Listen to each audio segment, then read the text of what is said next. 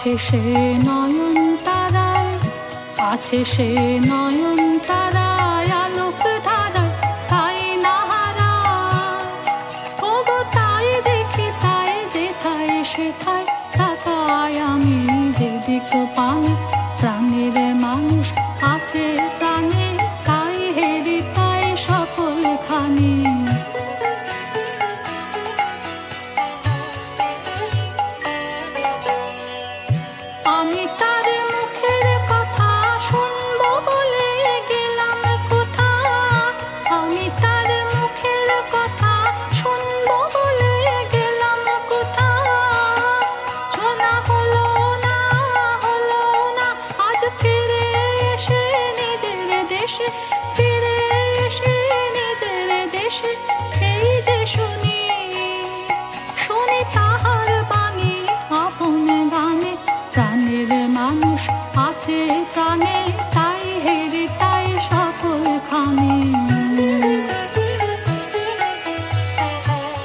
Es la voz de Ayanta Kundu. Canta composiciones de Rabindranath Tagore. Rabindranath Tagore, que fue premio Nobel de Literatura ya por el año 1913, era bengalí de Calcuta y es que nos vamos hacia Calcuta. Por cierto que Rabindranath Tagore como compositor tenía como unas 3.000 canciones. Bueno, pues esta es una de ellas. Y nos vamos a Calcuta. Sí, vamos con una persona que le encanta viajar hacia Oriente, como es Ana María Briongos, nacida en Barcelona en el año 1946, autora de libros de viajes sobre Afganistán. Ahí está Un invierno en Kandahar, sobre Irán, La cueva de Alibaba y también Negro sobre Negro. Sobre la India, esto es Calcuta.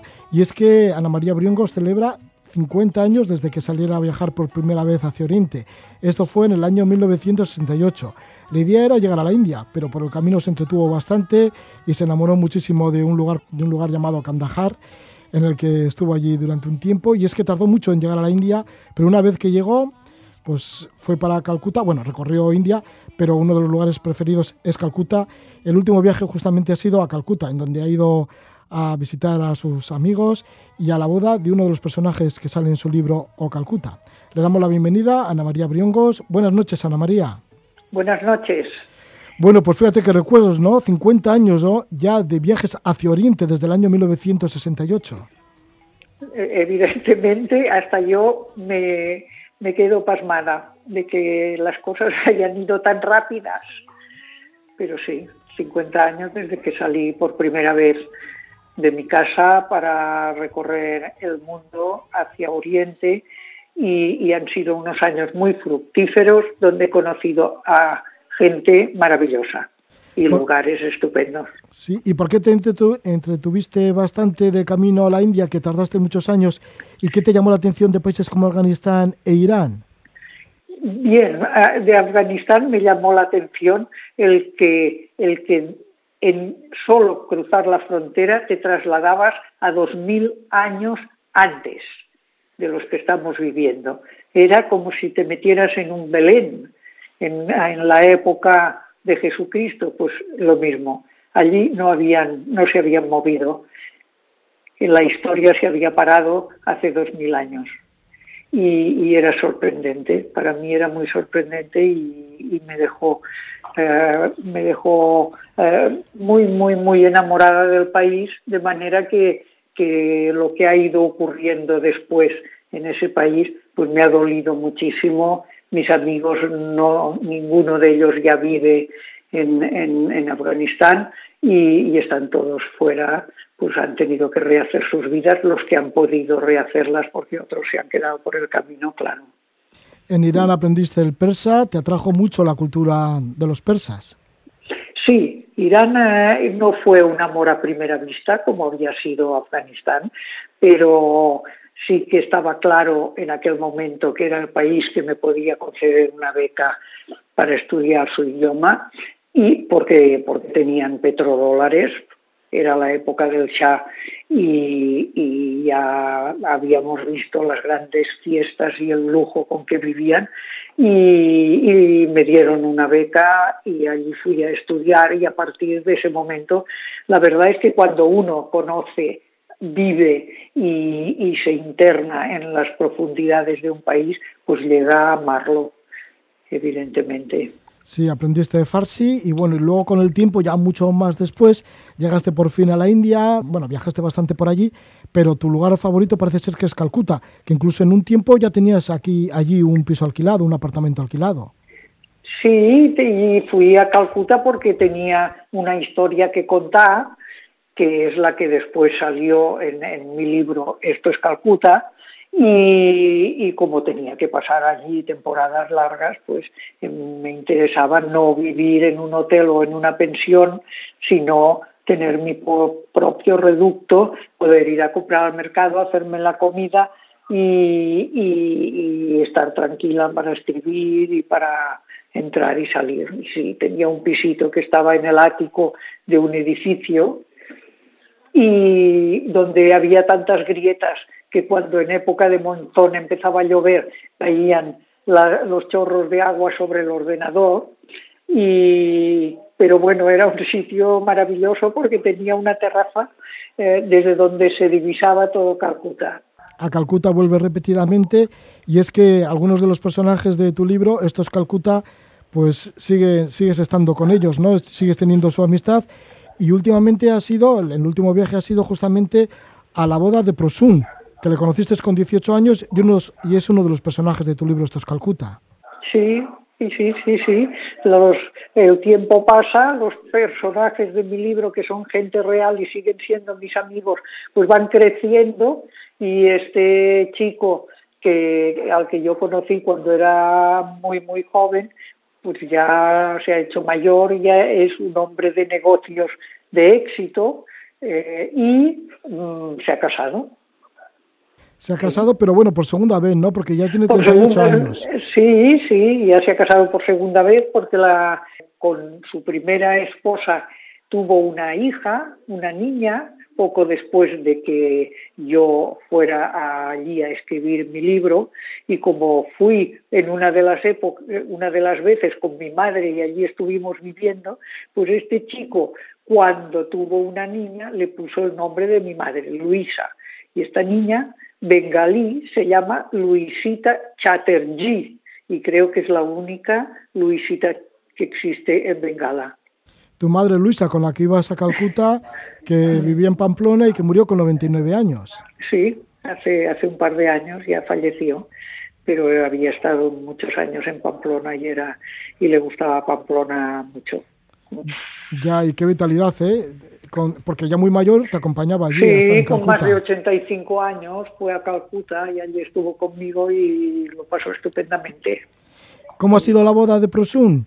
Porque pues él es de la alta casta, ¿no? De los brahmanes.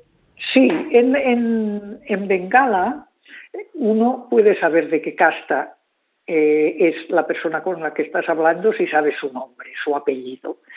Este chico se llama Prosun Chatterjee y pues los Chatterjee, Banerjee, eh, Gangopadhyay, pues estos son de la casta brahman. Y los brahmanes, pues claro, es la casta superior. Después hay la siguiente casta, que son los, los militares, digamos, la casta. Eh, porque mira, la casta brahman es la de los, de los que saben leer y escribir y sánscrito, son los que los, los sacerdotes, digamos, del hinduismo. La siguiente casta es la de los militares. Y esto no quiere decir que sean militares, sino que en épocas pretéritas eran los que se encargaban de, de la seguridad de, de, las regiones. Y estos pues son Mitro, Bosch, Bosch, los que se apellidan así son de esta casta. Y así van siguiendo otras castas y hasta los descastados, que esos ya no, pues también tienen otros nombres. y la verdad es que este, este, este amigo mío, un Chatterjee, pues también se ha casado con una chica ahora que se llama, pues también tiene un nombre como Banerjee, por tanto también es de la casta que le conviene porque la primera mujer era Sikh. Y es un problema allí el que un chico de una casta se case con una chica que no tiene nada que ver con esta casta, sino que es, por ejemplo, Sikh, que no tiene ni la misma religión hindú. Aunque parece ser que no pasa nada y que las leyes los protegen, a la hora de la verdad sí que pasa. Sí, porque las castas están prohibidas en la India, pero por lo que se ve siguen funcionando socialmente. Sí, sí, sí, sí, evidentemente, y se casan entre ellos. Hablando de los matrimonios, porque también has estado con una amiga ceramista que es de el Gujarat y se casó con un bengalí. Y parece ser que también el tema de los idiomas, porque hay muchos idiomas en la India, muchos matrimonios se casan con gente de otro estado que no hablan el mismo idioma, ¿no? Exactamente. Bueno, es que claro, la India es tan grande, hay tantísimos idiomas, tantísimos alfabetos, que es un galimatías y esta amiga mía de Gujarat pues se casa con un bengalí. Eh, en Bengala hablan bengalí. Ella tiene que aprender bengalí, aprender a leer y a escribir el nuevo alfabeto y el idioma.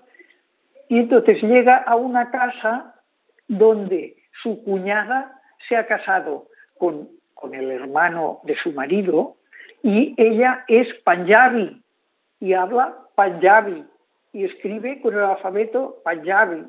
Y en esa casa nadie sabe Punjabi. Por tanto, eh, bueno, es un lío. Al final, para poderse entender, hablan hindi.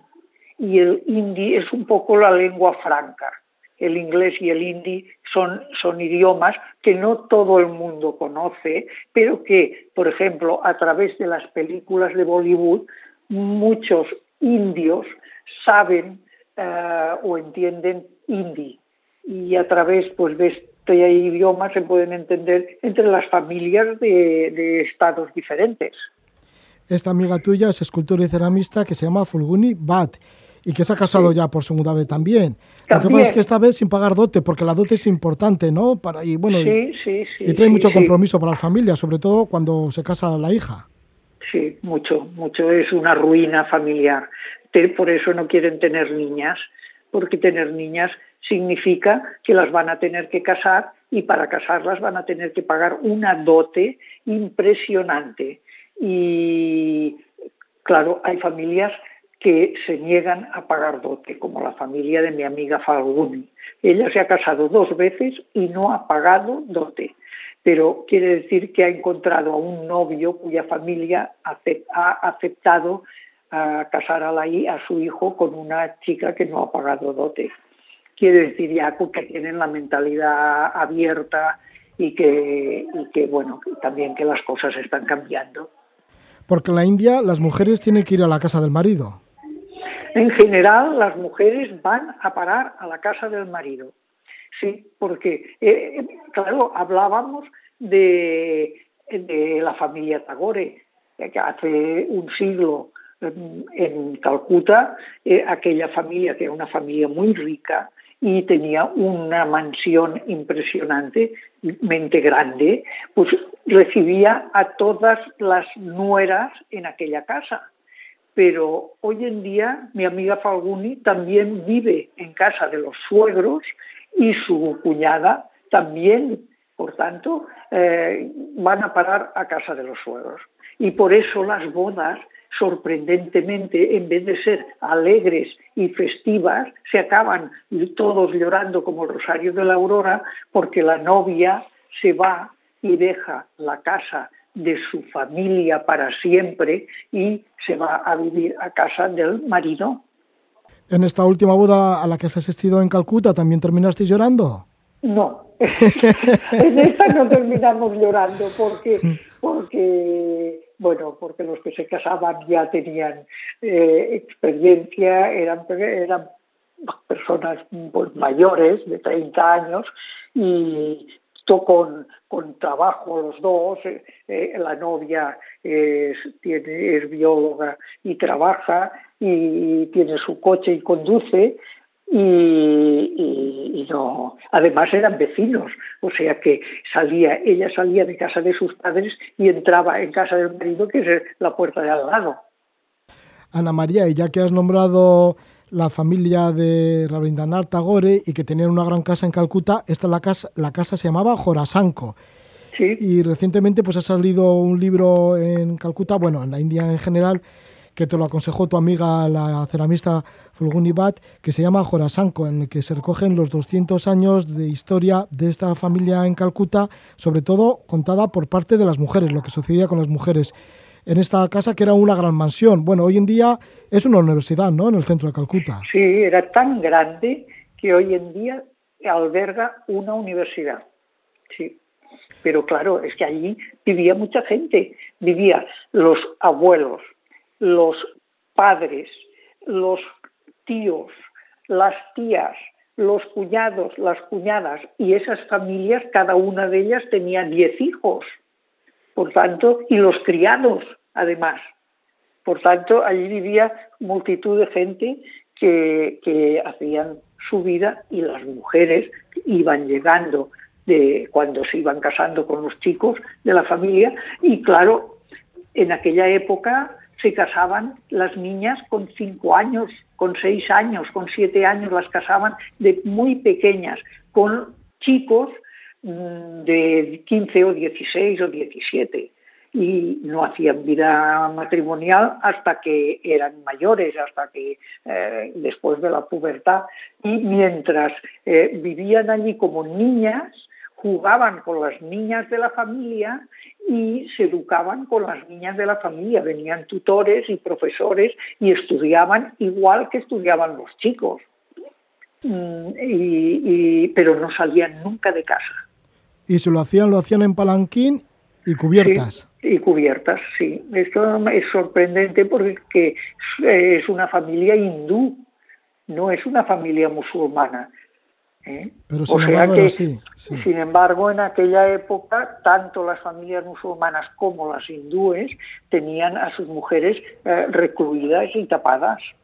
En la casa de Jorasanko había mucha cultura, ¿no? Porque eh, se leía mucho, había mucha literatura, se hacía teatro, algunas de las mujeres también eran actrices. Sí, al principio no eran actrices.